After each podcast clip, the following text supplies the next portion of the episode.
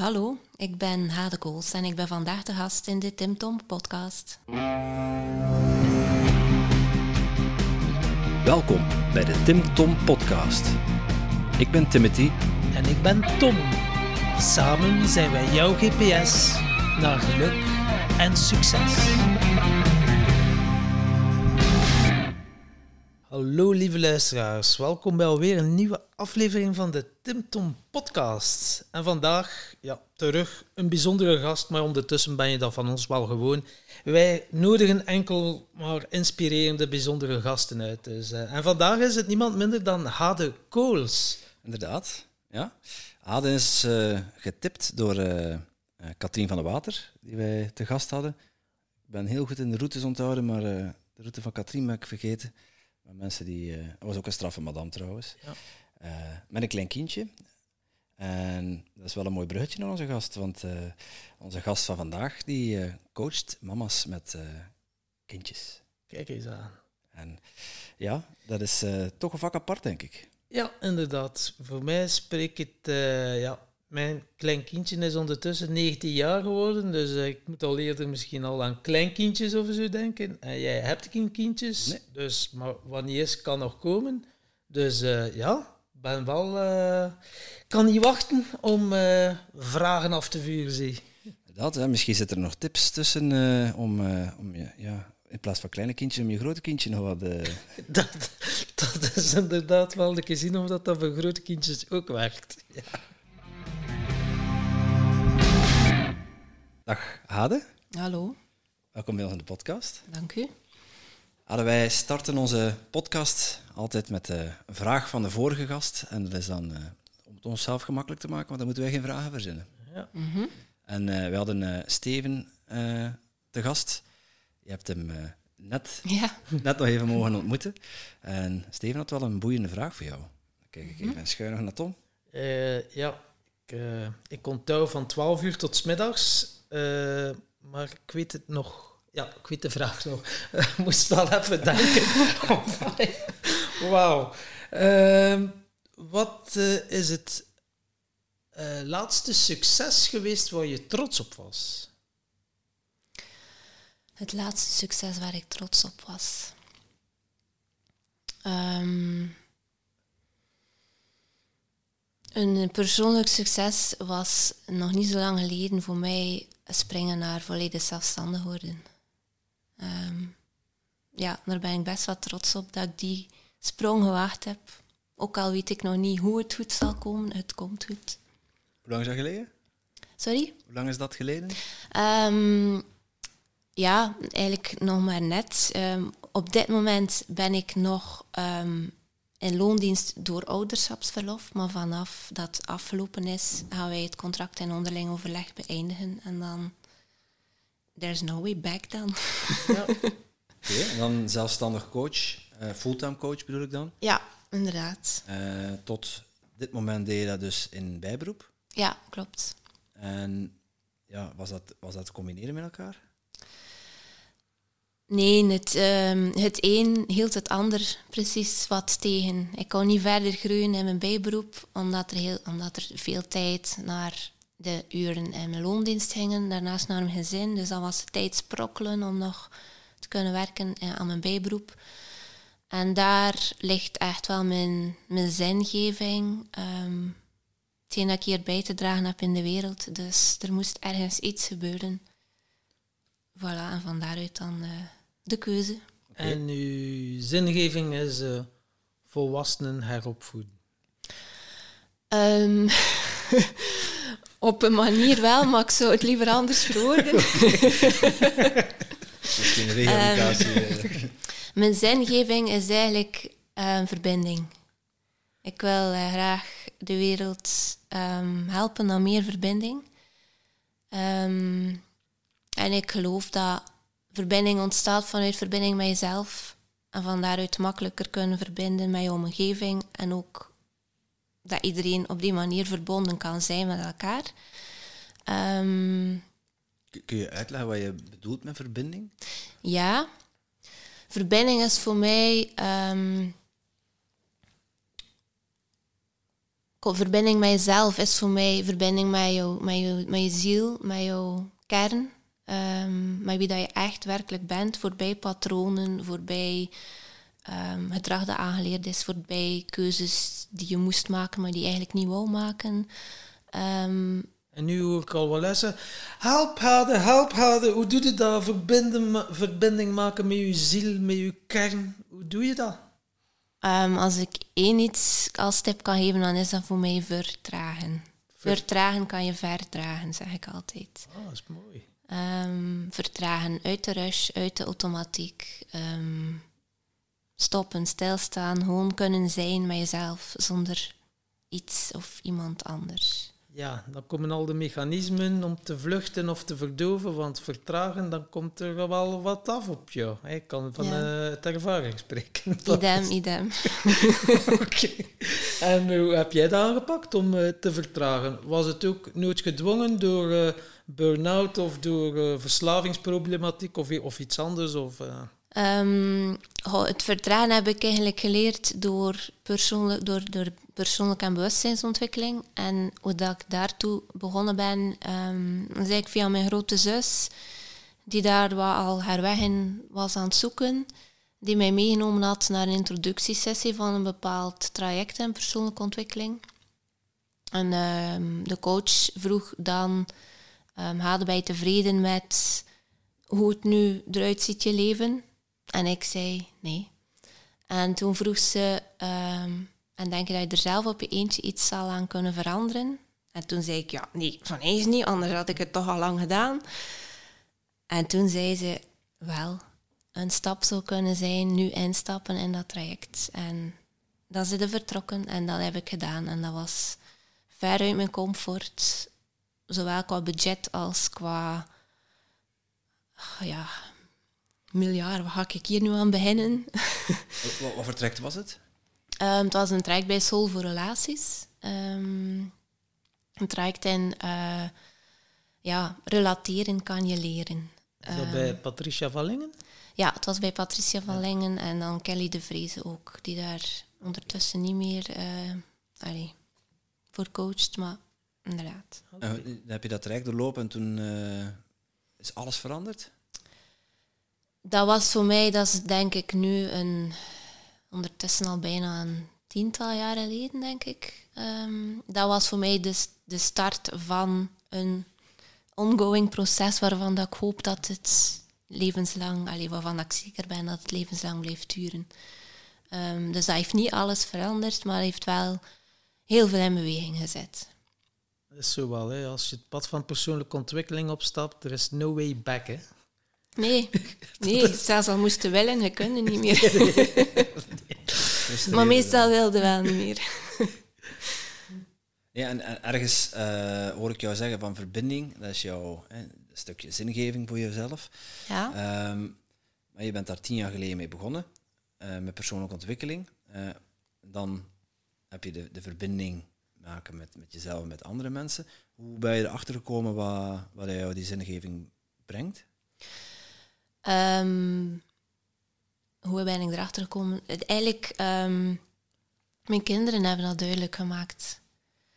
Um, ik ben nu 2,5 jaar mama en tot over een viertal jaar denk ik mijn moeder zijn dat dat ging. Dat was, dat was niet, dat ging niet, dat, dat, dat zou niet gebeuren, want wat ik nooit gekregen had, ging ik niet kunnen doorgeven. Dus dat was zo'n belemmerende overtuiging in mijn hoofd. En die persoonlijke ontwikkeling heeft geholpen om dat om te buigen.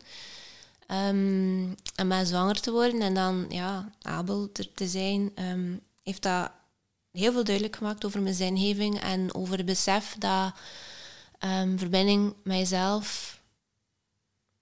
een, belangrijke stap is om te kunnen verbinden met je kind. En als het gaat over verbinding en die zingeving en je purpose en wat dingen in het leven zetten, bijdragen aan de wereld, dan heb ik heel veel geleerd van mijn zoontje van 2,5. Ik geloof dat onze kinderen onze grootste spiegels zijn. En dat is ook wat ik inzet in mijn trajecten. Net zoals wij kunnen eigenlijk evenveel leren van onze kinderen over hoe wij ons mooiste leven kunnen leiden als dat onze kinderen dingen van ons kunnen leren over in het leven staan. Hoe zei het iemand mooi? Ja, zegt hij. Ik heb eh, ook een kindje en dat is uh, mijn little guru. Ja. Zei hij. Ja, dat is mijn wondertje. Peter, hè? Peter Stouwaard hè, van PS Grow Podcast. Trouwens ook een heel interessante podcast. Big shout-out. ja. Dus- je bent met ouderschapsverlof, hoor ik jou net zeggen. Mhm. Dus dat betekent dat je ook kerstvers mama bent geworden? Ja, mijn uh, jongste zoontje is nu... Ja, kerstvers is het niet meer. Hij is momenteel acht maanden, acht en half maanden. Um, niet helemaal droog dan ook, hè? Nee, nee, nee, nee. nee. Dus ik uh, ben, heel, ben heel blij om nog... Um, hij gaat ondertussen wel naar de crash, uh, maar ik ben heel blij om nog die ruimte te hebben om uh, ja, dat te kunnen vertragen en verder aan, uh, aan, mijn, aan mijn bedrijf te werken en er toch nog genoeg te zijn voor mijn gezin. Ja, want zo fulltime ondernemer zijn, dan nog twee kindjes en de man ook waarschijnlijk. De man ook, ja, inderdaad. Kom ik nu op de vierde plaats, vroeg hij nog. dus uh, ja, ja, ik heb een, een zeer lieve, lieve man. En hoe pak je dat aan? Ja, want ja, het is een gezinsleven, een ondernemer. Dan, ja, je kunt je tijd maar één keer gebruiken. Is dat dan uh, elke keer een weekplanning? Of hoe pak jij dat aan? Want veel mensen zeggen zo, ja, voor kinderen heb ik geen tijd. Of voor zelfstandigen geen tijd. Want ja, ik heb het al druk genoeg. Hoe zorg jij dat het wel allemaal te handelen is? De juiste prioriteiten stellen. Juiste en prioriteiten futiliteiten schrappen. Oké, okay. ja, maar dat is uh, makkelijk gezegd, denk ik dan. Ja, maar ik kan dat niet voor een ander bepalen, nee, maar als je eens nadenkt hoeveel dingen op een dag dat je doet, die misschien eigenlijk niet bijdragen aan wat, ja, energie of, of iets zinvols.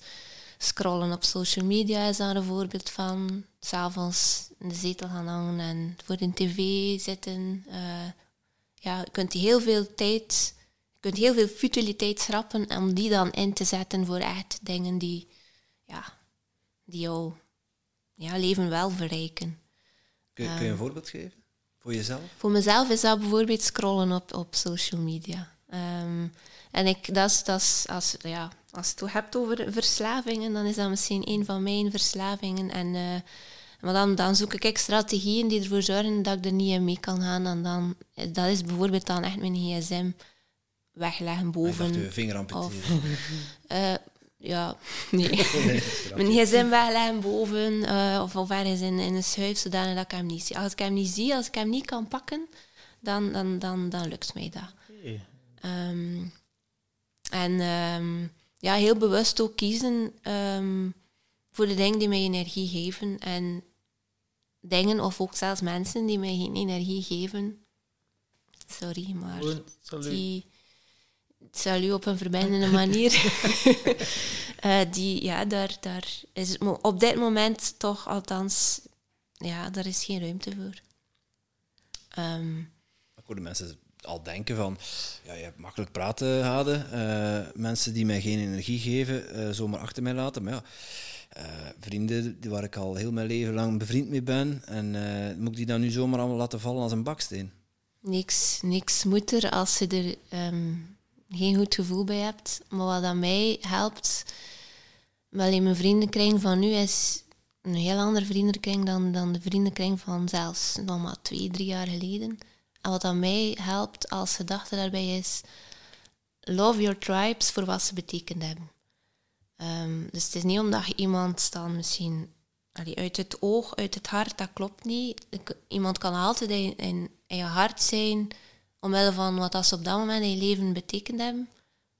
Maar dat hoeft dan niet voor altijd zo te blijven. En die, dat helpt mij om, om daar echt... En het is niet salu aan de kost en de boeken toe en ik wil je nooit meer horen. Nee, zo, zo, zo, zo gaat het ook niet. Hè, maar. En dan denken uh, misschien nu sommigen, ja, ja, gaat oké, okay. vrienden is één ding. Maar wat doe je dan met je ouders als je je geen energie geven of familie? Ja, ja, met familie ook dan. Um, ze zijn altijd familie, kies er niet, maar je kunt wel um, met een open hart bij familie zijn die dan misschien op een andere manier relateert dan jou of die dan met andere dingen bezig is. maar zonder dat jouw energie daar naartoe geeft. Um, dus u een beetje afschermen. Hetgeen dat van hen is, blijft van hen. Bijvoorbeeld, ja.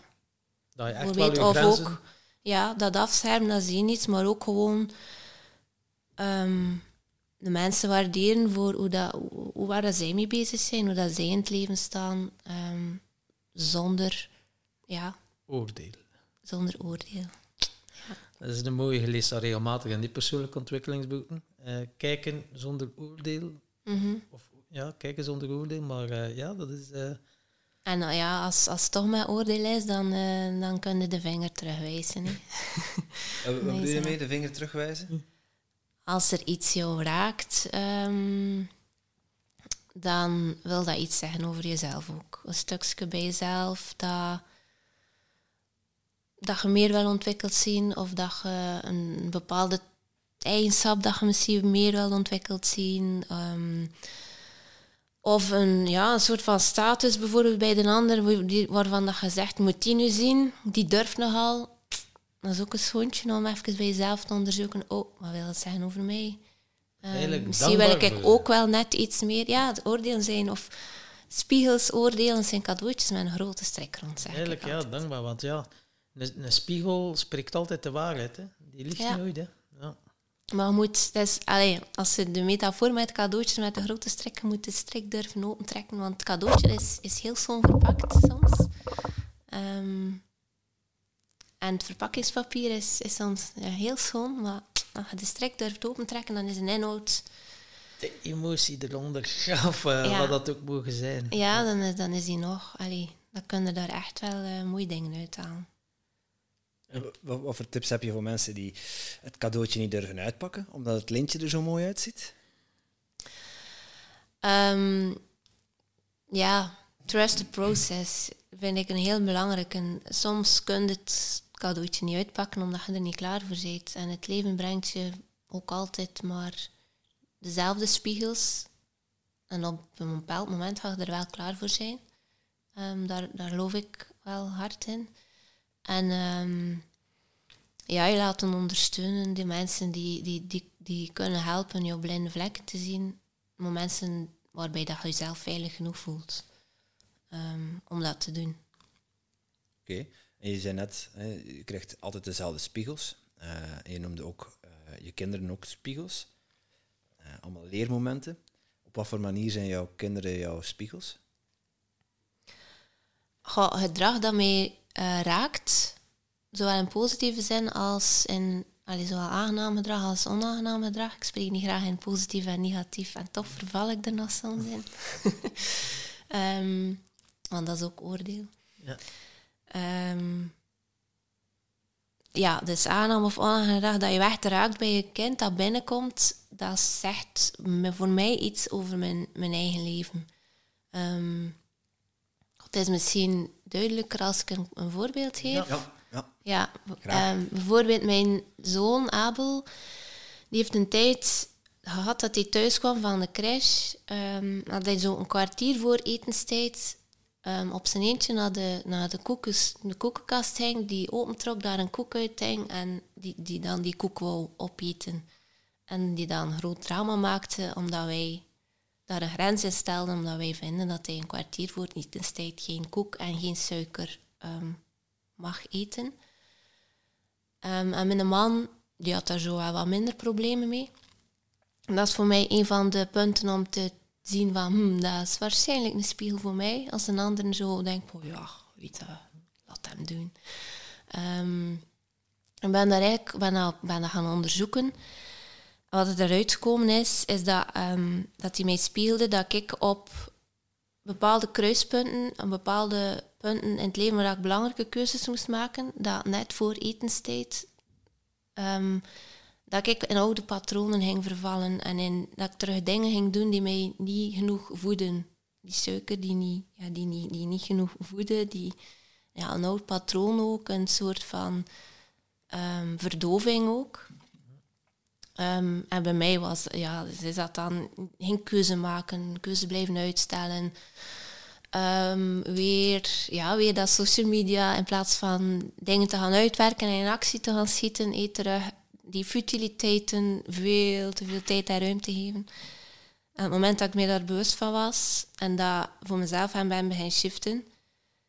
En het is, bijna, het is bijna, ik kan het bijna niet geloven, maar toen, toen, toen Abel, um, als hij thuis kwam van de crash, dan vroeg hij een banaan of een appel. In plaats van een koek. In plaats van een koek.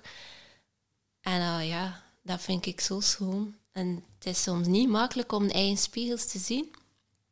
Dat zijn dan die blinde vlekken. Um, maar daarvoor ja, is er dus, zijn er dus mensen die jou daarmee helpen.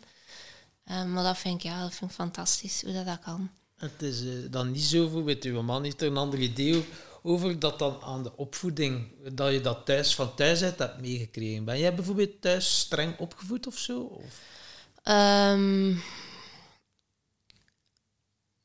ben ik streng opgevoed. Ik ben de jongste van vijf en ik denk dat ik het meest vrijheid, vrijheid gekregen heb van ons allemaal.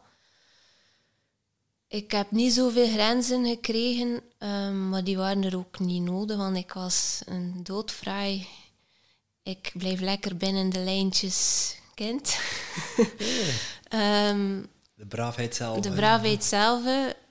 Nu, ondertussen weet ik dat dat um, ja, vooral was mezelf wegsteken, uh, mezelf onzichtbaar maken, nee, vooral niet zichtbaar worden. Um, en ja, door, door de situatie thuis hebben we eigenlijk een beetje onszelf moeten opvoeden. En, en ja, dus ja. De situatie thuis zelf? Ik ben, uh, ben opgegroeid met een psychisch zieke mama. Um, en mijn papa was wel aanwezig, um, maar ja, heeft de situatie wat ontvlucht door, um, door naar alcohol te grijpen ook. Dus in die zin waren de rollen wat omgedraaid. Wij zorgden voor onze mama, soms ook wel eens voor ons papa. Um, als het ging over verzorging of uh, ja, dus ja, opvoeding. Ik heb zo niet zo meegekregen zoals hoe dat ik nu in het ouderschap sta. De rollen waren eigenlijk omgekeerd, als ik het goed begrijp. Ja. Hoe oud was je toen? Ik heb geen herinnering aan mijn mama niet ziek. Um, en uiteindelijk heeft mijn mama zelfmoord gepleegd toen ik 16 was. Oef. Dus uh, ja. Ben in de puberteit? Ja. Ja, ja. Mijn vriendinnetjes waren bezig met vriendjes en pijntjes en uitgaan. En ik moest na de schoolvakantie, de grote vakantie, zeggen mijn moeder is gestorven. um, dat was uh, dus tussen het vierde en het vijfde middelbaar. Ik weet dat nog heel goed. Dus ja, mijn, uh, mijn, mijn, mijn leefwereld was, was een totaal andere leefwereld dan die van mijn leeftijdsgenoten. Um. Maar dan moest je eigenlijk, als je, als je voor je ouders moest zorgen, moest je eigenlijk ook op vrij jonge leeftijd al heel volwassen zijn. Of, of had je ja. ook al verantwoordelijkheden die eigenlijk niet horen bij een kind. Nee, dat klopt. En heeft dat jou, uh, op wat voor manier heeft dat jou ja, gemaakt tot wie je nu bent?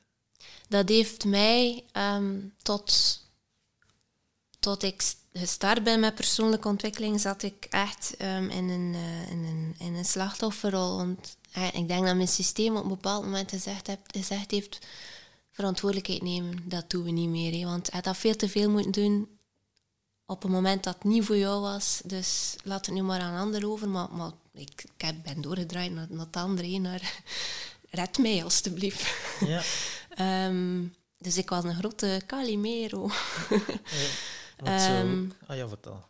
Sorry? Nee, nee, ik wou er nog iets aan toevoegen, maar vertel maar verder. Wel, ja, dus vanuit dat slachtofferrol, ja, dat was, dat was in, in, in een van de eerste ja, trajecten rond persoonlijke ontwikkeling die daar echt als een klets in mijn gezicht binnen is gekomen van, ah ja, het is toch ik die hier... Uh, die eigenaars, ja, verantwoordelijkheid vind ik zelf geen zo'n fijn woord, omdat er dus door wat er gebeurd is vroeger wat lading opneemt, oplicht voor mij en ik gebruik liever het woord eigenaarschap. Eigenaarschap, ja.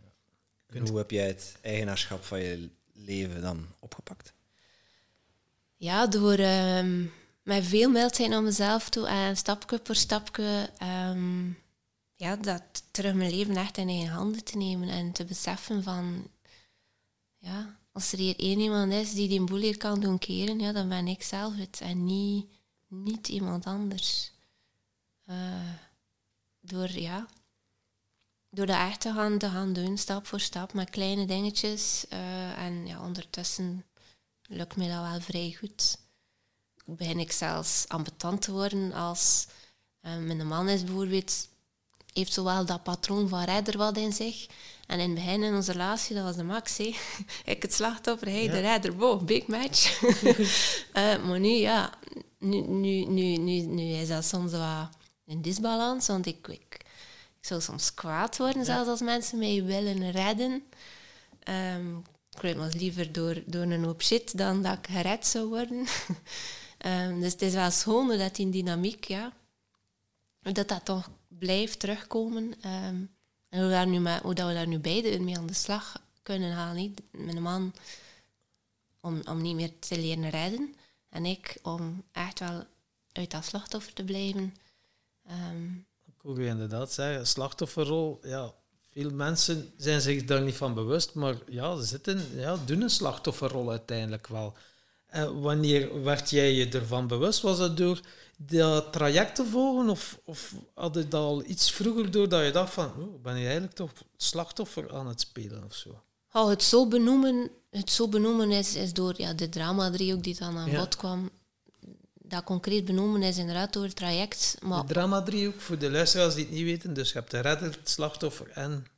De waarde, de, de, aanklager. De aanklager, De aanklager, ja. Um, degene die met de vinger wijst. Ik had ook altijd denken van, wat was die derde ook alweer? Ja. ik kon er ook even niet opkomen. Ik zei, ik kan maar zijn onze luisteraars het niet weten, maar ik wist het zelf ook even mm. niet.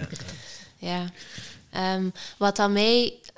Um, ja, dus dat slachtofferschap is, is, dat kunnen benoemen en zien is, is vanuit de coachingtrajecten. Maar wat dat er mij opviel was dat, dat bepaalde patronen zich bleven herhalen. En dan vooral op, op werkvlak. Ben leerkracht lager onderwijs van opleiding.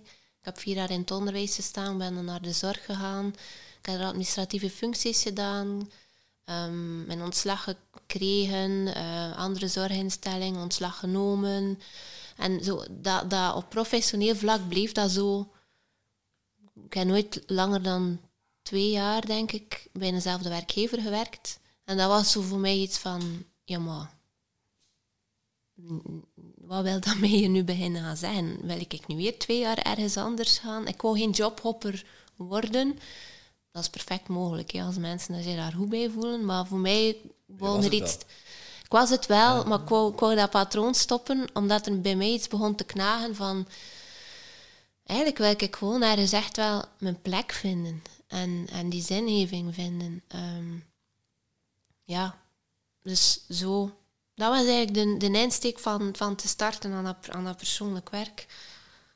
En dan bleek al snel dat het helemaal niet over professionele keuzes ging. Maar wat ontbrak er dan in die... Uh, waardoor werd dat patroon dan gevoed? Wat ontbrak er in die professionele situaties iedere keer dat je ik, ik, um, ik kwam telkens zo op een punt, een soort van bore-out gevoel van is dit het nu? En van, al, van zodra ik iets kende, had ik het gehad ermee, was ik verveeld, um, te weinig uitdaging, maar ook vooral geen... Ja, ik ben, ben een perfectionist, dus je moet mij van alles van taken geven. Ik ga die goed uitvoeren. Maar als ze er geen voldoening uit haalt en als ze s'avonds naar huis komt, nou ja, dat heb ik hier nu gedaan. Ja. Ik heb veel werk verricht en het is allemaal goed verlopen en ik heb het allemaal tot in de puntjes en in de kleinste details is het in orde. Maar heb ik daar energie uit gehaald? Nee. Dus zo dat de, uh,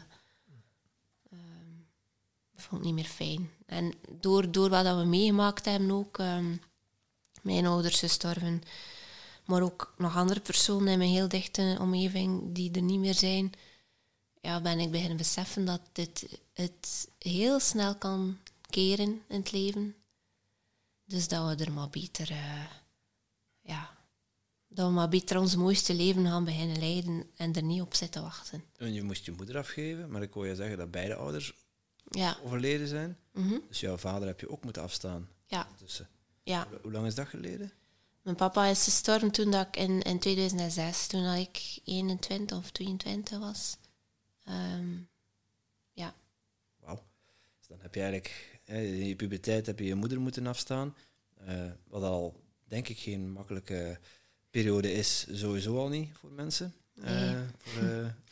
Eh, Voor, een, voor een puber is, is het leven dan sowieso een grote uitdaging. Mm. Dan ja, moet je die tegenslag verwerken. En dan, als je dan enigszins bovenop bent, dan moet je je vader afstaan. Ja, Klinkt, klinkt heftig. Hoe ben je daarmee omgegaan? hoe ben ik daarmee omgegaan? Ja. Dat is een proces, dat is een rouwproces en dat is nog altijd, dat stopt niet. Aan rouw, allee, rouwen, rouwen gebeurt voor mij in fases. Het is natuurlijk twee heel andere manieren van afscheid nemen. Ehm, Je vader is uiteindelijk ziek geworden. Hè? mijn papa is ziek geworden, eh, is uiteindelijk aan kanker gestorven. Hoogstwaarschijnlijk ook wel deels door een, door een levensstijl met heel veel roken en eh, alcohol. Ehm, mijn papa zijn proces we eigenlijk ehm, van heel dichtbij meegemaakt. En ja, daardoor is dat verwerkingsproces van het afscheid nemen al, gestart toen dat hij nog bij ons was. Ehm, in juni hebben we de diagnose gekregen, in september is hij gestorven. Wetende dat hij ervoor wel al duidelijk met iets zat, maar daarvoor moet de huisarts zijn. Hij wou zich niet laten onderzoeken.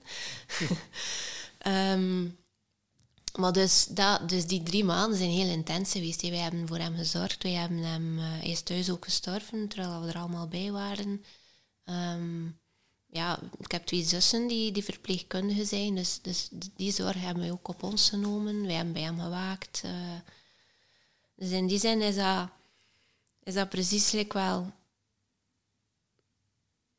meer en flow is een vreemd woord als het gaat over rouw, maar dat was precies wel gelijk hoe dat moest zijn. Moest zijn. En, en wat dat er mij nog het meest eh, bijgebleven is, is dat we bij mijn papa heel bewust dingen hebben kunnen uitspreken naar elkaar toe. Omdat we wisten dat er een einde ging komen.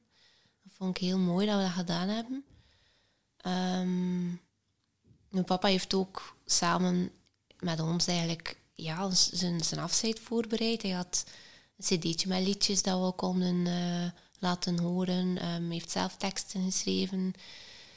Ik ben zelf ook een schrijver. ehm, dus ik, ik heb ook op een bepaald moment al mijn gedichten dat ik voor hem of voor, papa, of voor mama of voor de situatie toe heb ik hem gegeven. Een bang hartje van papa wilde nog eens lezen.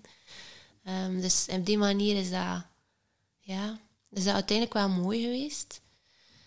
En mijn mama, ja. Ik herinner me nog goed dat ik... dat papa mij wakker maakte, redelijk vroeg in de morgen, dat hij zei, ja, mama is, mama is dood. Allee, zo... Ik, wil nu niet die exacte woorden gebruiken, want de, de woorden dat hij gebruikte waren niet zo... Ja, waren nogal hard. Ehm, maar dus ja, dan... dan, dan dat is een grote klap, hè, omdat, ze, omdat we, we hadden haar ook al een aantal maanden niet meer eh, mogen zien. Ik niet meer vragen hoe dat, dat gekomen is, maar er is een soort van beslissing vanuit het ziekenhuis of vanuit papa, dat weten we niet. Omdat het zo slecht ging met haar, um, uit bescherming van kijk, Hilde mag nu geen, geen bezoek meer hebben. Dus dat was, ja, dat was niet, niet fijn. Een lange tijd je mama niet meer gezien en dan plots horen, je kunt ze ook niet meer zien. Wat aan mij wel geholpen heeft, is ik ben heel veel gaan kijken naar haar in het, in het waar dat ze opgebaard was. Ehm, en ook, ik heb ook willen zien ehm, hoe dat, dat gebeurd is, dat, dat ze zelf verhangen. En ik heb dat, ik heb allemaal willen zien, ehm, die, die, die, die littekens daarvan. En dat heeft mij ja, op een of andere vreemde manier ook geholpen in mijn proces. Want mijn zussen bijvoorbeeld, die wouden dat dan helemaal niet zien. Dus dat is, eigenlijk, dat is heel persoonlijk, zo'n Ah, krijg ik kippenvel van. zo'n rouwproces. Ehm, en sinds ik zelf mama geworden ben, voel ik zo ergens een, een, ehm, een stukje van mijn mama die nu verder leeft in mij. Een stukje ook van ehm, wat er bij haar niet gelukt is, kan ik nu rechtzetten voor de volgende generatie. Dus waar ik vroeger in slachtofferschap zat en vond van moeder zijn, dat is niks voor mij, want wat ik niet gekregen heb, kan ik niet doorgeven, heb ik kunnen shiften naar ehm, mijn mama is buiten haar wil om niet de mama kunnen zijn die dat ze wou zijn. En ik kan dat nu voor haar ook, voor haar healing misschien zelfs een beetje rechtzetten. En niet dat ik haar helingsproces... Allee, ik bedoel niet dat ik haar helingsproces op mij moet nemen, maar tegelijk is het ook voor mij een verdere, verdere heling van mijn band met haar en wat er daar allemaal in mijn kindertijd verkeerd gelopen is. Hoe dat ik nu zelf doe met mijn kindjes. Dus ja, je doet het zelf bij jouw kindjes en is daar ook het, je purpose uit ontstaan van oké, ik wil het wel verspreiden of, uh, of doorgeven aan alle andere ouders ook met jonge kindjes om een goede mama of goede papa te zijn? Of, is dat misschien te kort voor de, door de bocht? Het is er een deel van. Um, wat ik vooral... Um, mijn grootste wens is eigenlijk dus ja, die wereld en meer verbinding. De kinderen van nu zijn de leiders van de toekomst.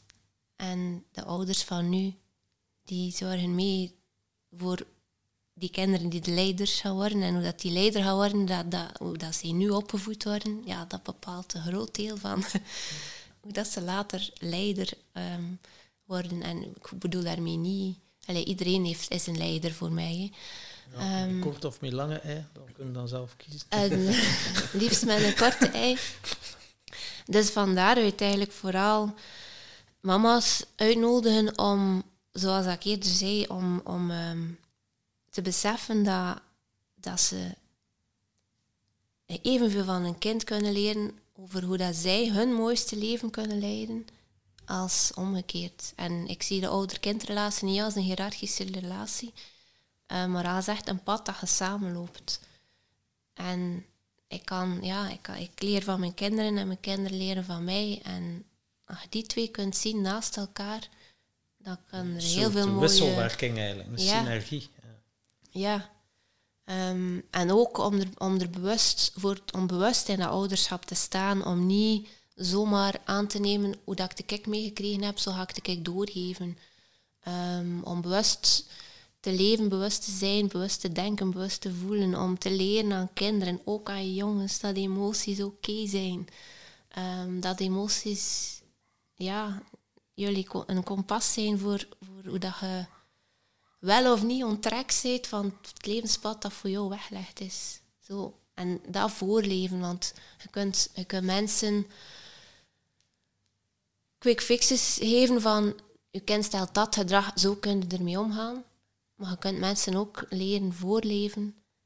Um, wat ik uh, leren voorleven, hoe dat je zelf wilt dat je kinderen in het leven staan. Kinderen leren niet door Kinderen doen niet wat dat wij zeggen dat ze moeten doen. Kinderen doen wat dat wij doen. Dus in, dat, in die zin denk ik dat het het meest duurzaam is als mama's gewoon gaan, gaan voorleven.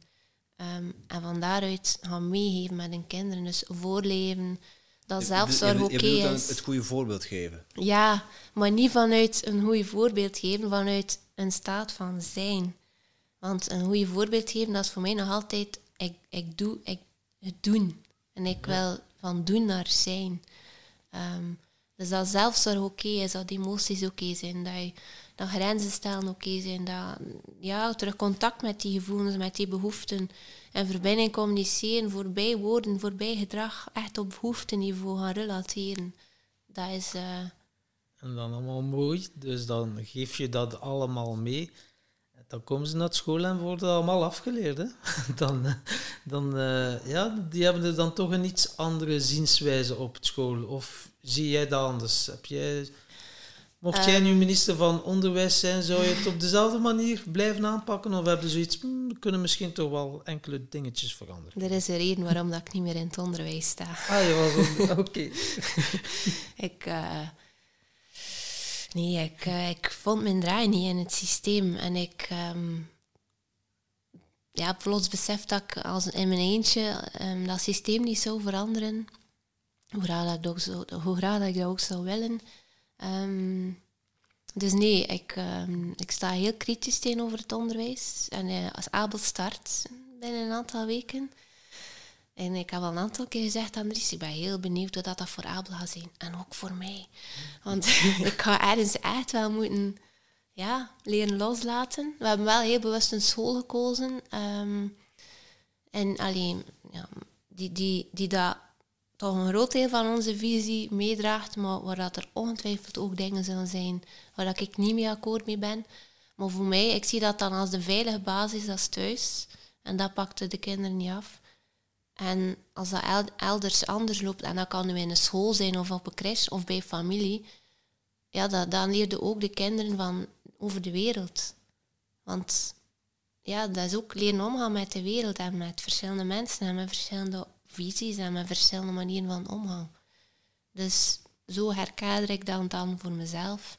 Dat dan mijn kind, zolang dat ze bij mij thuis die veilige basis hebben, hen niet zal in die mate schaden dat dat een, een eigen persoontje compleet in de war gaat brengen. Ja. Als je, als je een concreet voorbeeld zou moeten noemen wat er volgens jou eh schort aan het, aan het huidige onderwijs, eh, wat is er dan hade? Eh, Ik hou-. Nee, ik- een dagje tijd. Ja. Ik, ik, zou, ik zou het super vinden, moest er, heel, moest er veel meer op talenten worden ingezet, ehm, die dat ook buiten eh, rekenen, taal, wiskunde, buiten de traditionele vakken liggen. Ehm, creatieve talenten bijvoorbeeld. Ehm, als er meer aandacht zou zijn voor verbindende communicatie, zou voor mij een vak mogen zijn op school. Ehm, over ja, sociale omgang, voor emoties ook. Als er nergens zou gestraft worden, maar ook niet zou beloond worden, want uiteindelijk is dat exact hetzelfde dat je doet. Dat maakt kinderen afhankelijk van een externe factor om gedrag wel of niet te stellen. Ehm als zijn er nu een aantal punten, mogen ze van mij ook afschaffen. Ja. En wat meer inzetten op mediteren of eh dankbaarheidsoefeningsjes. eh, ja, echt mindful door het leven gaan, bewust. Ja, ja. Dus binnen communicatie is daar een voorbeeld van, maar inderdaad een mooie aanvulling. Ja, ik denk wel. eh, nu zeggen ze, ja, er is heel veel geld te verdienen ja, met rusthuizen die worden geprivatiseerd en zo. Maar ik denk, mochten ze nu een keer inzetten op bewustwordingsscholen, dat is toch ook de toekomst. Er zijn er, ehm, er zijn er aan het ontstaan. Orvita is zo'n voorbeeld. Ehm, moest het in mijn beurt zijn, ik zou super gelukkig zijn. Maar ik weet dat ze al iets hebben in Gent, denk ik, en in Oudenaarde. Ehm Orvita. Orvita, ja. En dat is de, de, daarin werken ze echt rond zelfsturing en verbindende communicatie. Onder andere. Wat we, we, vinden, we vinden soms dat we kinderen ehm, moeten leren. eh allee, die, die zelfsturing, daar, daarmee bedoel ik dat een kind echt wel van nature coöperatief gedrag wil stellen. En dat we dat niet, niet moeten aanleren, maar dat dat, dat uit zichzelf wel wil stellen. En dat we kinderen ook van kleins af aan aan die zelfsturing kunnen, kunnen doen groeien. Maar natuurlijk, als een, kind, als een kind wil leren grenzen stellen of dingen zelf doen, dan moeten ze de kans krijgen. Als hij constant een grens stelt voor een kind en een kind kan, kan nooit uit zichzelf kiezen, of je neemt constant iets over voor een kind, omdat als, als, het, als dat kindje het zelf probeert, duurt een kwartier en als hij het doet, duurt een minuut. Ja, dan, dan kan een kind ook niet leren. De pijn wegnemen. De pijn wegnemen. ja, zo van, oh, vallen, het doen. is niet erg. Het Niet is wel wenen. erg. Niet wenen. Niet Ja, niet wenen. Ja. Wacht maar tot je 26 bent. Ja, maar het zijn, die, die, ja, het, zijn, het zijn de volwassenen die nu niet kunnen omgaan met emoties, die, die toen zoveel gehoord hebben, wenen, dat doen we niet. Dat is, dat is zwak. Dus daar, ja. Ja, want dat is een hele grote valkuil. Probeert je kinderen te beschermen, maar ja, uiteindelijk pakte hen gewoon de ervaring af die Ja. ze nodig hebben. Ja, ja. Dat heeft bij mij ook even geduurd. Ja, als je wat onbewust bent, ben je er ook niet mee bezig. Nee. Het is pas met dat persoonlijke ontwikkeling dat ik dan dacht, holy, ja, en dan kijkt je, reflecteerde een keer terug, dan denkt je, wow, eigenlijk doe je dat wel uit liefde voor je kind. Je gaat ze gaan beschermen, maar uiteindelijk doe je meer slecht dan goed. Mm. Door de, echt wel die ervaringen af te nemen, zodat ze niet kunnen leren en niet op hun bek kunnen gaan. Let, ja, letterlijk en figuurlijk. Je moet soms, ik, ik, ja, als Abel iets probeert rond met klimmen of klauteren en ik, ik ben erbij om hem, als het echt onveilig zou zijn, om hem op te vangen, maar ik laat hem ook soms gewoon vallen. Als ik weet, als ik weet dat, die, dat er geen groot, allee, dat, er, dat, dat er echt niks gigantisch gevaarlijks zou gebeuren. Nee. Letterlijk vallen is, kun je, je kunt maar leren opstaan als je leert vallen. En dat geldt, dat geldt voor de letterlijke, maar ook voor de figuurlijke betekenis van het Ja, woord. dat is als je leert lopen ook, die kinderen, ja, dat is niet als ze ene keer vallen dan ze denken van, wow, nee, nu, nu stop ik ze. Nee, Eh, met dat dat is die volwassenen- groeimindset. Ja, volwassenen Ja. doen dat wel. Hè, van, Ja. oh ja, ene keer, ja, het lukt niet. Het zou schoon zijn, moesten de kinderen dezelfde mindset hebben. Zou niet allemaal, de, de maatschappij, dus iedereen zou je rondkruipen uiteindelijk. Ja, of, of, of iedereen zou ingewikkeld in bubbeltjes plastic eh, naar school gebracht worden. Ja, ja. En dat bedoel ik ook met dat voorleven. Hè. Allee, ook dat, kinderen zien hoe dat jij omgaat met falen. En nu doe ik haakjes, dat zie je niet in een podcast natuurlijk, maar Ja, ja, hoe dat hij omgaat met falen of met dingen die niet lukken of met lastige emoties. Ja, zo Ja. zien zij dat zij er ook zelf mee kunnen omgaan. ja, falen is, eh, hoe zei het iemand, dat is uitgesteld succes, hè, falen. Ja, zo, zo, En fail, dat was ook een mooie, hè. First attempt in learning. Ja, inderdaad. Dat is onze wandelende scheurkalender. Ja. Nu, eh, als we dat eens concreet maken, want eh, voorleven, eh, dat klinkt leuk, Ade, Mhm. maar hoe doe je dat nu concreet? Heb jij voor jonge ouders een aantal tips?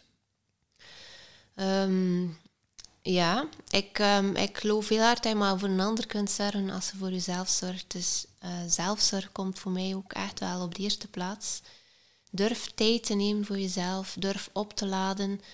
Ehm voel jezelf daar niet schuldig over, want als je het, als je durft doen, dan voelde ook dat je eigenlijk ook gewoon- meer de mama bent die dat je wilt zijn.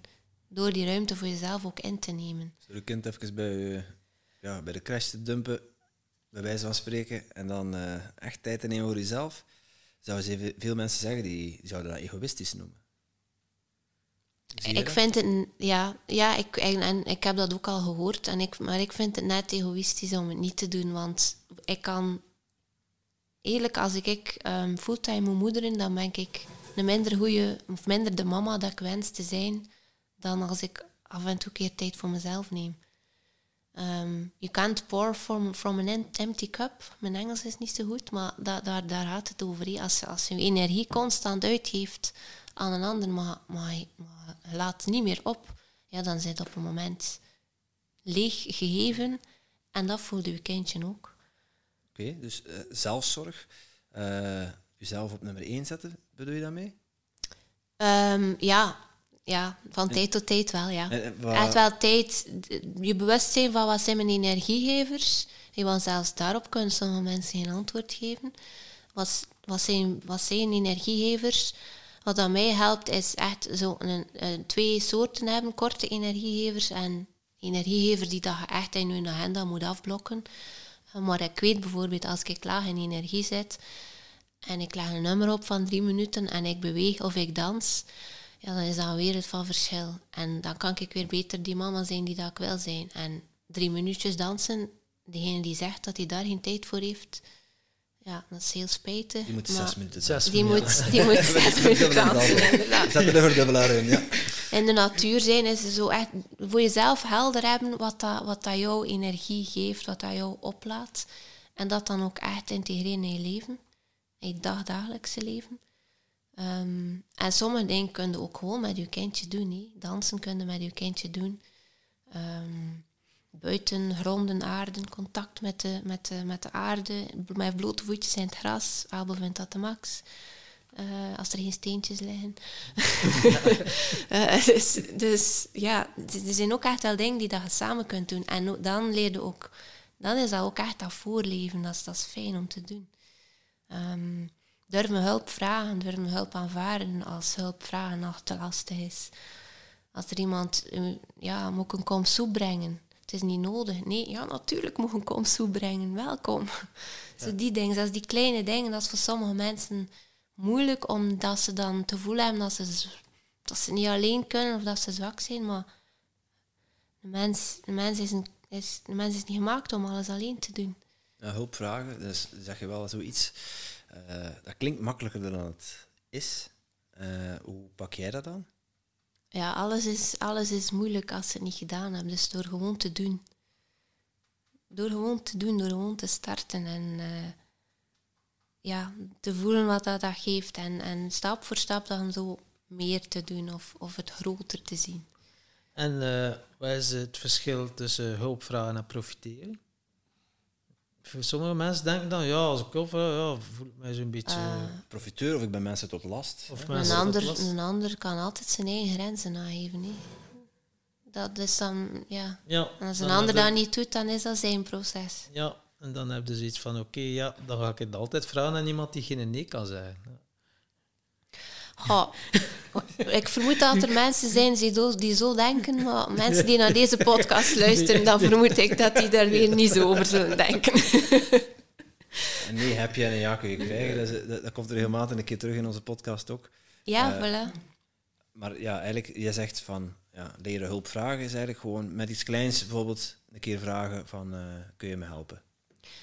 Ja, en dan misschien concreet dat is handiger voor degene die het hoort, dat je een concrete vraag stelt, een concreet verzoek. Uh, wat dat wij bijvoorbeeld in, in de kraamtijd regelmatig gedaan hebben, is uh, kraamkost gevraagd.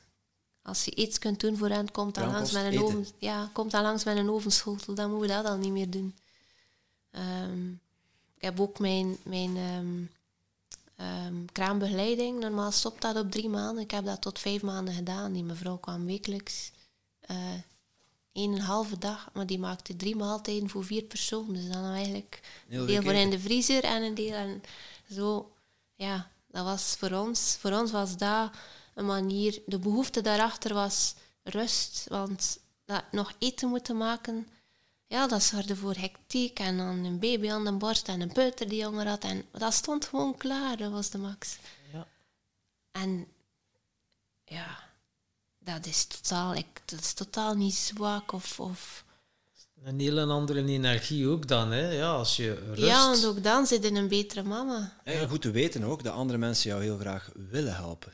Ja. En, en daar ligt dan voor, voor degene die hulp vraagt misschien ook wel een drempel om hulp te vragen. Ik wil mensen niet tot last zijn of, of ik wil niet profiteren van mensen. Ja, maar mensen vinden het juist heel leuk om je te kunnen helpen. Als ze vragen van kan ik iets voor u doen of, of uh, kan ik u een kom soep brengen, als jij dan zegt van nee, uh, dat hoeft niet, trek een plan wel vanuit jouw eigen overtuiging van hm, ik wil die mensen niet tot last zijn of ik wil niet dat ze voor mij zitten zwoegen, ja, dan gaan ze de volgende keer ook niet vragen of dat je nog een tas soep wil. Nee, en ik, ik, ik maak soms de vergelijking, het is een, het is een, een mooi voorbeeld, als iemand jou een, een balpen heeft en, en je laat die net, je laat die gewoon op de grond knallen, ja, hoe komt dat over bij die persoon? Dat is, dat is zo dat is zo'n die dynamiek. Dat, dan creëert iemand wel iets doen voor jou. En dan, dan ketst je dat af. Dat is, dat is ook een stukje verbinding die verbroken wordt. En dan nu, nu enkele luisteraars die denken, ja, dan moet je mijn schoonmanneke gaan. Die komt twee keer per dag om hulp te vragen. Die is er constant. En uh, ja, dan is het uh, misschien ook wel de kunst om ook af en toe je grenzen kunnen ja, te geven. Grenzen van, stellen. Uh, Oké, ja, het is goed dat je wilt helpen, maar uh, ja, we hebben ook nog onze privacy. Mm -hmm. Grenzen stellen is ook iets dat je in verbinding kunt doen. He. En um, wat aan mij dan helpt, is... Ik heb nu die, dat soort van concrete situatie niet voor, maar je kunt ook altijd bekijken hoe dat, wat dat de behoefte van die schoolmama dan is. De strategie die dat ze kiest, is misschien niet jouw lievelingsstrategie en werkt niet voor jou, maar de behoefte erachter daar kun je waarschijnlijk wel mee verbinden. Ehm, en dan nog moeten dat niet toelaten, nee, maar van daaruit kunnen we met, met minder lading zo omgaan. En als ze grens wil stellen, ehm, dan is dat voor mij belangrijk, dat is misschien een tip, dat je contact maakt met de ja achter de nee.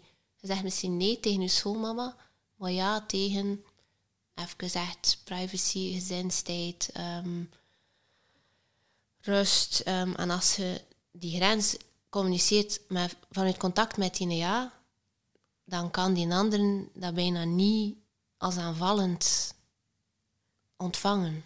Maar misschien ook uitleggen waarom dan. Ja, wel, maar dat is dan, ja, dat is, dat is deeltje verbinding communicatie. Ik kan daar Ja, voilà. zeer veel over vertellen. Ja, hebben... Het eh, is dan dat ik het aanstip, omdat je zegt van, de, de, de nee achter de ja of de ja achter de nee. Het, kan, het werkt twee kanten op. Mhm. Maar het is wel belangrijk om dan ook aan de ander uit te leggen, eh, om niet bot over te komen. Van, Nee, vandaar dat Bedankt voor uw aanbod, maar op dit moment eh, heb ik er geen behoefte aan om die en die reden.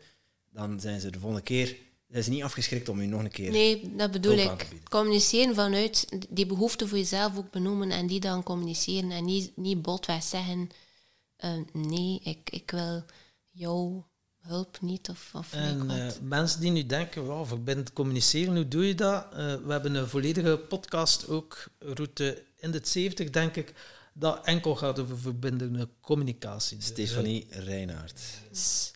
En eh, nog even over de schoonmama's. Eh, die kunnen bijvoorbeeld ook zo... Ah, die dus het gevoel hebben... Ja, eigenlijk hebben mijn kinderen ja, naar het gevoel wat tekort gegeven. Dus gaan we de kleinkindjes een keer lekker verwennen. Ze komen met zakken snoepen en als ze bij Mimi en Pipi komen, is het ah ja, feest à volonté. Hoe ga je daarom mee om als ouder? Ik heb er eigenlijk, we hebben er eigenlijk heel concreet nog recent echt ook een grens in gesteld. Ehm, ik kan natuurlijk, mijn ouders zijn er niet, niet meer, dus ehm, dat, dat deel ja, is er niet meer. Dries zijn papa is ook gestorven, dus dan is nog, nog zijn mama. Ehm, maar als zij, ehm, als Abel daar op bezoek ging, dan werd er altijd eclair voorzien. Ehm, en eigenlijk hebben wij recent nog gezegd van kijk, als Abel nog eens op bezoek komt, dan willen wij eigenlijk niet dat daar standaard die moeite voor gedaan wordt. Abel moet ook leren. Ah, Ik, allee, we zouden het niet leuk vinden als er een associatie komt, oma of tante dit of dat. Oma dit, Eclair, dan ja. samen Oma met Eclair. Eclair. En nou is klaar. En we, hebben dat, we hebben dat gecommuniceerd vanuit allee, in verbinding zonder oordeel. Ook wel met, ik vind dat, ik vind dat fijn dat je dat doet, hé, want je weet dat Albertje graag eclair eet. En, en dat, is, dat is goed ontvangen. En Ja, Je dan kunt je spelen op het gemoed. Hè. Van ja, je weet toch dat je nu diabetes aan het ontwikkelen bent bij je kleinkind. nee, nee, zo hebben we het niet gedaan. Goed, we hebben, we, hebben, eh, we hebben het gehad over zelfzorg, over hulp vragen, eh, hulp accepteren. Ehm, heb je nog een derde tip? Ehm, ja, over eh, gevoelens. Dat is voor mij een, een belangrijk thema om die, om die toe te laten en om, om, ehm, ja, om, dat te kunnen, om dat ook te kunnen voorleven. En hoe dat je zelf met je gevoelens omgaat, zo leren dat ook aan je kindjes. Ehm, voor diegenen die dat nog niet zouden, of dat in zich nog niet zouden hebben, huilen is oké. en huilen hoeft niet meteen gestopt te worden.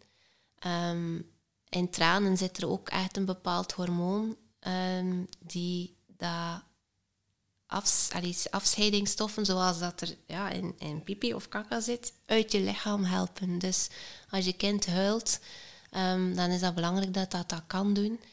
Ehm, en ook zelf je gevoelens, eh, je gevoelens durven ruimte geven. En daarover spreken ook met, met je kind, met je partner. eh, ja, zorgen dat dat geen eh, vermijden dit topic is binnen het gezin. Ehm, je, kan daar eigenlijk, je kan daar heel vroeg mee starten ook. Eh, wij hebben, ja, wij, wij, als ik, het gebeurt ook dat ik een keer uitvlieg tegen Abel omdat, omdat ik te weinig aan zelfzorg gedaan heb. Of te weinig Eh, geslapen? of te ja, weinig ja, ja. geslapen, ja, een stortje drinkt nog s'nachts ook. Ehm, dan zeg ik dat ook aan mama. was een beetje boos, omdat, of mama voelde zich boos, omdat ze ja, moe is. Of omdat ze graag eens iets alleen zou doen.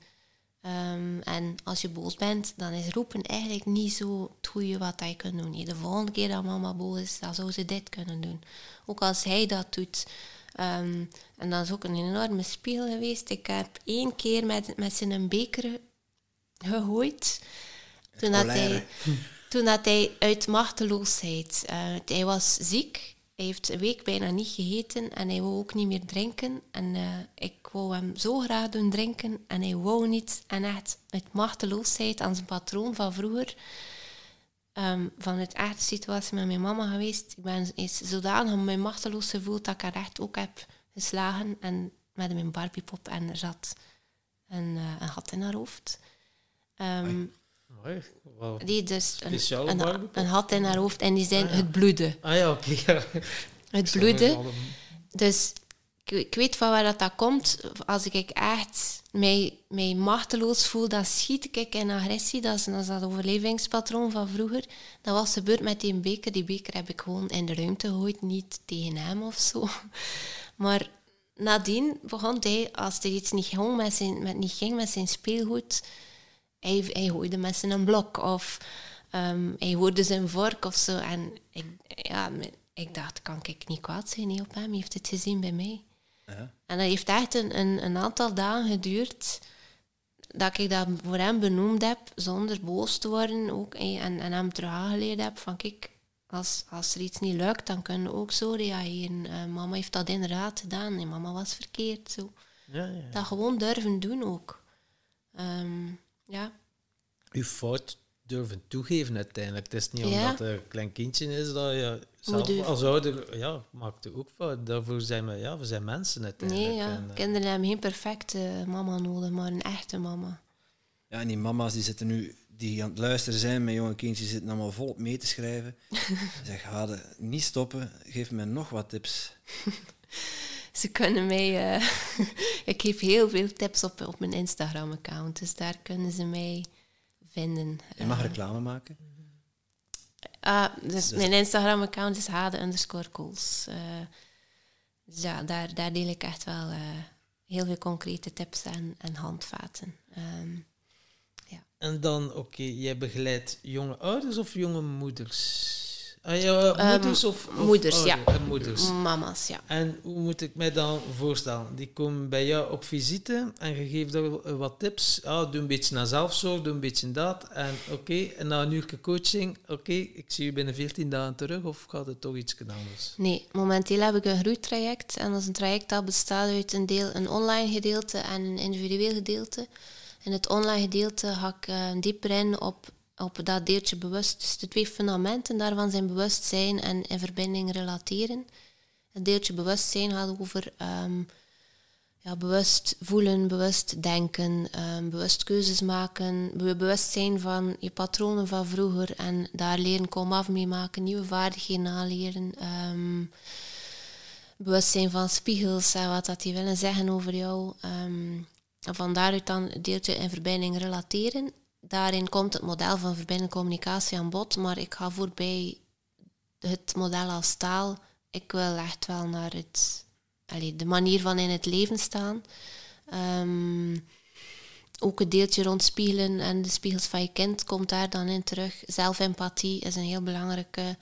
Ehm, empathisch luisteren en dan in verbinding communiceren ook met je kind, met je partner. Dat is het online gedeelte.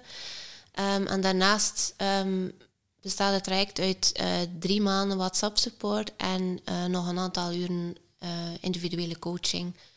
In die individuele coaching kunnen we dan echt dieper ingaan op persoonlijke stukken, om, dan, om die dan echt te gaan shiften. En in die WhatsApp support, ehm, ja, mensen kunnen mij eigenlijk gewoon dagelijks contacteren. ehm, en dat is om dan echt snel te kunnen shiften, zodat mensen niet moeten wachten op een volgende coaching sessie. Zodanig dat mensen de nieuwe dingen dat ze aangeleerd hebben, als dat nog geen automatisme wordt, maar ze zijn er zich wel al van bewust van, ah, het gebeurt weer, wat moet ik nu doen? Ehm, dat ik snel kan reageren, zodanig dat ze niet en die laagtes. Ja, maar soms is dat inderdaad dat, weet je nog, die ademhalingsoefening. Ah ja.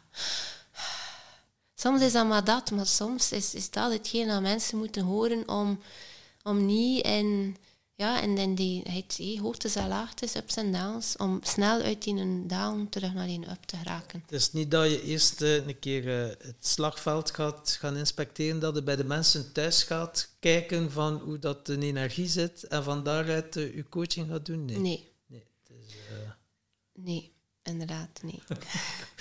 Ja, ik vertrek vanuit het hier en nu. ehm, Dus als ik het goed begrijp, start eerst, oké, maar eh, we gaan eerst uw shit een keer opkuisen, om van daaruit dan eh, te gaan verbindend communiceren. Ehm, Ik, allee, de, Ja, de shit, twee lopen... Het is misschien ja, een beetje een rare woordkeuze. Alhoewel, bij kleine kindjes, shit, zo'n rare woordkeuze is dat dan niet? Allee, ja, en dan Nee. een pamper dan, hè. Ja. Het is, ehm, het, het is een... ehm, er worden eigenlijk verschillende dingen in gang gezet op hetzelfde moment. En daar werken we verder mee. En het is mijn bedoeling om na drie maanden echt ehm, een stevige nieuwe basis te hebben waarop dat mensen voort kunnen bouwen. En ehm, wat ik al kreeg van feedback is mensen die zeggen, oh, Helde, ik, allee, mensen lezen veel, mensen weten veel, eh, maar ze krijgen het niet toegepast. Ehm, en echt die impact in een dagdagelijks leven, dat is mijn bedoeling. Mensen moeten niet nog meer weten ehm, of allee, nog meer in hun hoofd duidelijk hebben. Mijn bedoeling is dat mama zegt, gaan doen. En vanuit dat doen gaan voorleven en echt die verbinding terug op een moeiteloze manier gaan creëren. Zowel met zichzelf als met een kindje en ook met een partner. Dat is inderdaad wel een hele grote valkuil. Hè. Altijd is het gevoel, oei, ik weet nog niet genoeg, ik zal nog misschien die een boek lezen, want daar gaat in staan. En je blijft maar eh, dingen leren. Maar ja, alleen toegepaste kennis is van waarde uiteindelijk. Hè. Ja, door ja. het te gaan doen, dat je het kunt beginnen ervaren ook. Mhm. en dat- en zo. Ja, dat is ook een van mijn valkuilen geweest. ik, ja. heb, ik heb Ja, jaren... ik ga naar die cursus en dan. En ik ga nog, ik ga nog dat en dan. Dat is... Dat dat is boek, dat gaan wij redden. ja, ja, ja, dat, dat gaat, dan gaat klaar zijn ervoor. maar dat is ergens ons ego die ons, die ons klein en veilig wil houden. Zekerheid, Eh, eh, zo ja. van eh, op onze bek willen gaan en dan zo van, ah ja, dan misschien nog ene cursus en dan, dan gaat het. hè. En eh, hoe maak je de, de mensen ervan bewust? Of ik kan misschien eerst de vraag stellen, hoe, wanneer ben jij dan tot dat inzicht gekomen van, oké, eigenlijk weet ik al genoeg, het is iedere keer de moment dat ik ga beginnen toepassen van wat ik allemaal weet. Ga toepassen voor mezelf ehm, of toepassen in mijn werk als mentor. Eh, toepassen coach. voor jezelf, want ja, ik hoorde je ook zeggen, same hier, zo van, ja, blijven leren en opleidingen volgen. Ja, ik volg nu ook wel nog eh, opleidingen jaarlijks om ja, bij te steunen en omdat ik het leuk vind. Maar het is ook wel belangrijk om in gang te komen natuurlijk en niet enkel te, blij en niet enkel te blijven consumeren. Ja, de Ja. intentie is anders dan. De hè. intentie, ja. Ja, inderdaad. Ja, ik start ook weer een opleiding in september. Dus het is, het is niet dat ik dat, dat ik dat deel gestopt ben. Ehm, ik, ben, ik heb op een bepaald moment ook wel gezegd van kijk, nu ga ik niks meer investeren tot, totdat ik voel dat ik, dat ik echt met die dingen aan de slag gegaan ben. En dat ik echt ook die verandering voel. Ehm, maar ja, heel concreet weet ik nu wel niet meer. Hoe dat lang- dat heel lang gekomen duurt dat ook niet trouwens. Dat gevoel van nu ga ik niks meer investeren. Want tot ik, Nee, ik, ik, heb- ik, hoor, ik hoor mezelf praten namelijk van ah ja, maar nu ga ik even stoppen met opleidingen, met seminars of met dingen. En dan eh, ja, drie maanden later zit er dat weer. Hè? Een Ja. jaaropleiding van uh, algemeen leven bijvoorbeeld. Ja. het is, het is curieus hoe dat er daarin voor mij ook echt een shift gebeurd is. En investeren in mezelf, zijnde daar geld neerleggen voor... Allee, Ja, dat is niet de, tastbaar. de eerste keer dat ik dat, dat was dan denk ik 6 of 700 euro. Dat was huge voor mij. En zou ik dat wel doen? En wat als dan niet de gewenste resultaten? En overdenken. En dan, ja. En nu, ja. De laatste investering was 12.000 euro. Ik bedoel, dat gaat, dat gaat over, ja.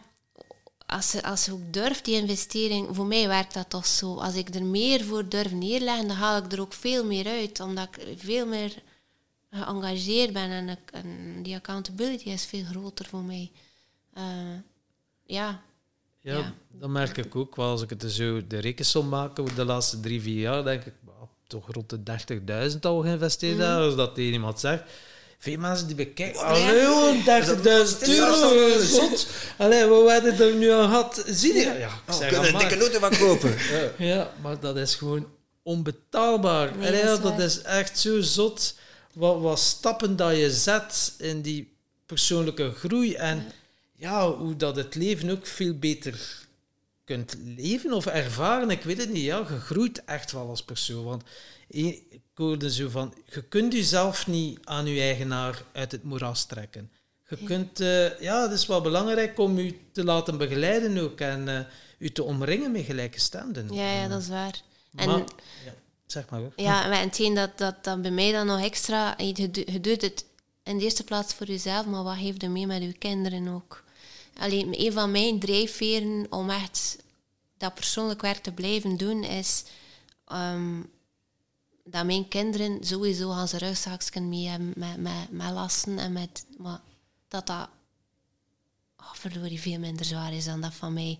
En al het werk dat ik doe, geef ik niet door aan hen. Ehm, en dat is ook, ja, ja dat idee, dan, dan, dan investeer ik ook met veel plezier.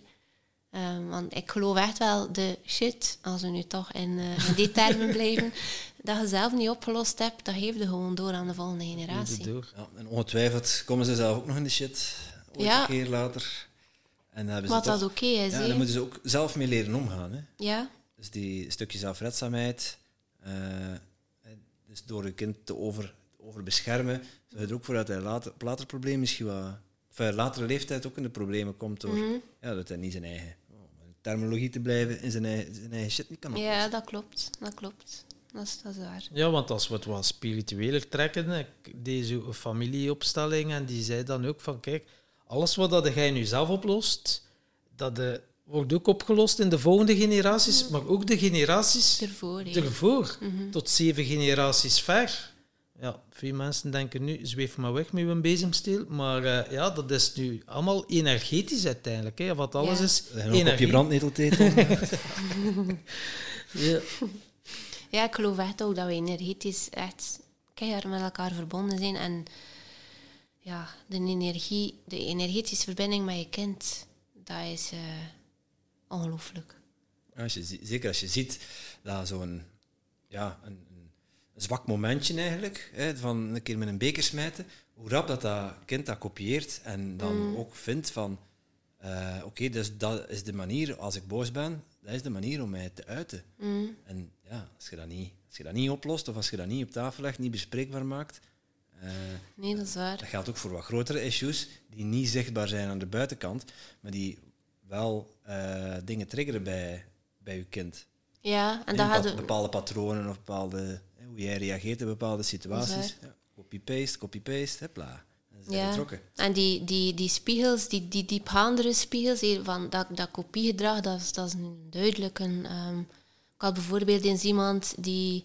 Mag ik nog een voorbeeld geven? Zeker, zeker. Wij houden van voorbeelden. voorbeelden. Ik had bijvoorbeeld iemand ehm, die ehm, haar, haar kind begon ehm, bijvoorbeeld in de autostoel en de gordel deed hij altijd los. Of, of het raampje van, ehm, van het raam deed hij naar beneden of die kroop uit zijn, uit zijn bed. En uiteindelijk ehm, is daaruit gekomen dat dat, dat kind ehm, het begrenzen en het behoefte aan vrijheid voor, voor de ouder spiegelde. En als die ouder daarmee aan de slag gegaan is en zich niet meer liet begrenzen en echt ging voor dat stukje vrijheid, waarover ik ga nu niet in detail allee, treden, dan, dan is dat gedrag ook verdwenen bij dat kind. Maar eh, zo, zo, zo die dingen, dat is, ja, dat is fantastisch. begint eerst allemaal bij het herkennen en die bewustwording bij jezelf. Mhm. hè? En, en dan kan je pas eh, in actie schieten, hè? want je weet niet wat dat je niet weet. Nee, dat is waar, dat is waar. En, En, eh, ja, en zeker met, met je kind, dat die blinde vlekken, daarvoor, daarvoor je echt iemand externs. Ik kan dat nu in sommige situaties of in veel situaties voor mezelf, maar ja, daarvoor heb je iemand externs voor nodig. Maar zeg, je zegt dan nu wel van oké, mijn kind doet maar zijn gordel los. eh, of ja, ander gedrag waarvan je denkt van hé, waar komt dat nu vandaan? Die koek bijvoorbeeld, wat je net eh, aanhaalde. Eh, maar ja, je moet daar wel, één, je moet jezelf daar bewust van zijn. Van oké, dat is een bepaald gedrag, een bepaald patroon. Maar wat ligt er dan onder? Hoe, hoe kom je er dan achter wat daaronder ligt? Dat is, eh, daar, daar, daar bestaat alleen een speciale vraagstelling voor en een speciale methodiek die, dat we, die dat je dan kunt onderzoeken, waardoor dat je tot dat inzicht komt. De, het gedrag van kinderen is heel vaak eh, ja, metaforisch en zelf ja, is het normaal dat je dat, je dat niet altijd ziet. Ehm, maar ja, door, door je er laten ondersteunen. Eigenlijk als, als jou iets raakt en dat, dat is iets dat terugkeert, dan is er een grote kans dat er een, een diepgaandere spiegel onder zit. Interessant. Interessant. Ik denk dat er eh, heel veel bruikbare tips al, eh, al hierin zitten. Ehm, onze podcast die, eh, gaat over geluk en over succes. Eh, we hebben het, ja, we hebben het uitgebreid gehad over zelfzorg, over eh, hulpvragen. Dat zijn allemaal leuke tools Mhm, om je leven te verrijken, om gelukkiger te worden. mhm. Maar eh, wat is geluk voor jou, eh, Hade? Wat betekent dat? Geluk, ehm, geluk is voor mij tevreden zijn en accepteren wat er is in het hier en nu, zonder vasthangen in het verleden en toch met bepaalde dromen en hoesting voor de toekomst.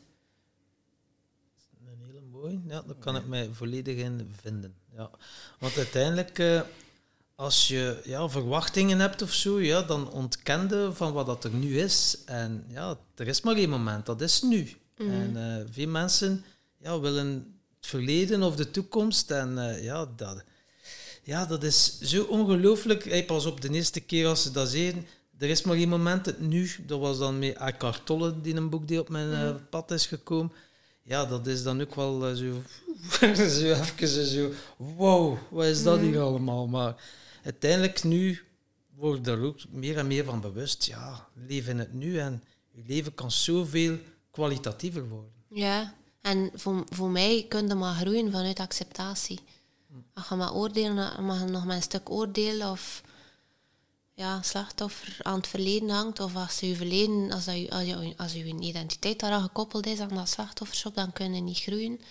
Ehm, en leven in het hier en nu, dat, is, dat bewustzijn, maar dat is ook weten dat je op elk moment opnieuw kunt kiezen. Ja. Iedere minuut kun je opnieuw kiezen hoe dat je verder gaat.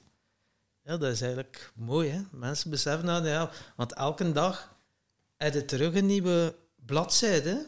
En eh waar dat je verhaal kunt schrijven. En eh, ja, het is dan nu de keuze. Je, ja, je bent al de auteur, maar zet u zelf in dat verhaal als hoofdpersonage of zij er content mee in bijrolken. En, Ja. heel veel- en heel veel mensen kiezen voor een figurantenrol, terwijl ja, jij bent wel de belangrijkste persoon in je leven. En, Ja. dat is mooi, want ja, de metafoor van die een boek gaat bij dat Michael Pilarczyk was, die dat zei van ja, elke dag Ik weet het dan niet meer wie is een nieuwe, welke is, is een nieuwe bladzijde. En ik dacht van ja, eigenlijk wel. Je kunt elke dag opnieuw, hè, of elke minuut, zoals jij Ja, en, zegt. maar het is durven een pagina omdraaien ook hè, soms. Ja, Het is, ja, Ja, en een punt zetten en dan een nieuw hoofdstuk beginnen. ja, voilà. Maar in de metaforen te blijven. Mhm. Goed, maar, eh, ja, onze podcast gaat over geluk en succes. Eh, je hebt net gezegd voor jou jezelf wat geluk betekent. Eh, Ik ben ook wel benieuwd naar jouw definitie voor succes. Van succes. Ehm, succes. Oh ja, dat is, dat is doelen bereiken, dromen bereiken, maar ook ehm, kunnen terugkijken en beseffen dat elke stap, ook al was dat op het moment zelf ehm, een shitty stap, nodig was om, eh, om dat succes te kunnen bereiken. Dus echt dat, dat, ja, dat falen is een deel van dat succes. Dat vallen is een deel van het opstaan. Ehm, en echt ook kunnen terugkijken en voelen dat je er alles uitgehaald hebt. ja, als je zo, ik weet niet wie dat zei, ja, wat is dat succesvol zijn? Of hoe zei de succesvol? Ja, dat is ene keer meer rechtop staan dan dat op je bakken zit gegaan. Ja, Ja, je kunt ook alleen maar opstaan als je eerst gevallen bent. voilà. Ja, Voilà. Mooi. Eh, ja, eh, tot slot eh, willen we jou nog vragen om een vraag te bedenken voor onze volgende gast, eh Hade. Mhm. Ehm. Goh, als, als ik in mijn branche mag blijven, zeker. dan zou ik misschien vragen ehm,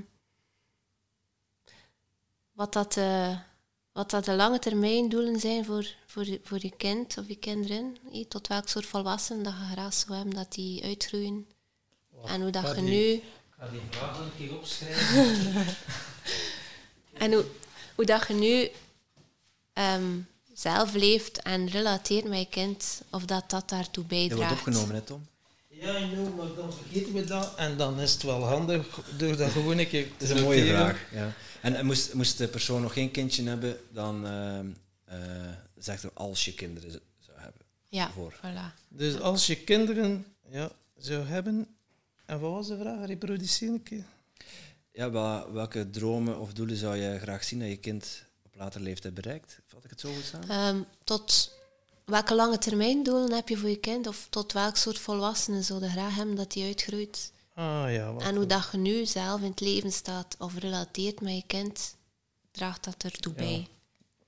Ja, dat is een Welke een lange genestelde vraag, je moet ermee oppassen. Maar tot welke volwassen persoon zou je graag je kind zien opgroeien?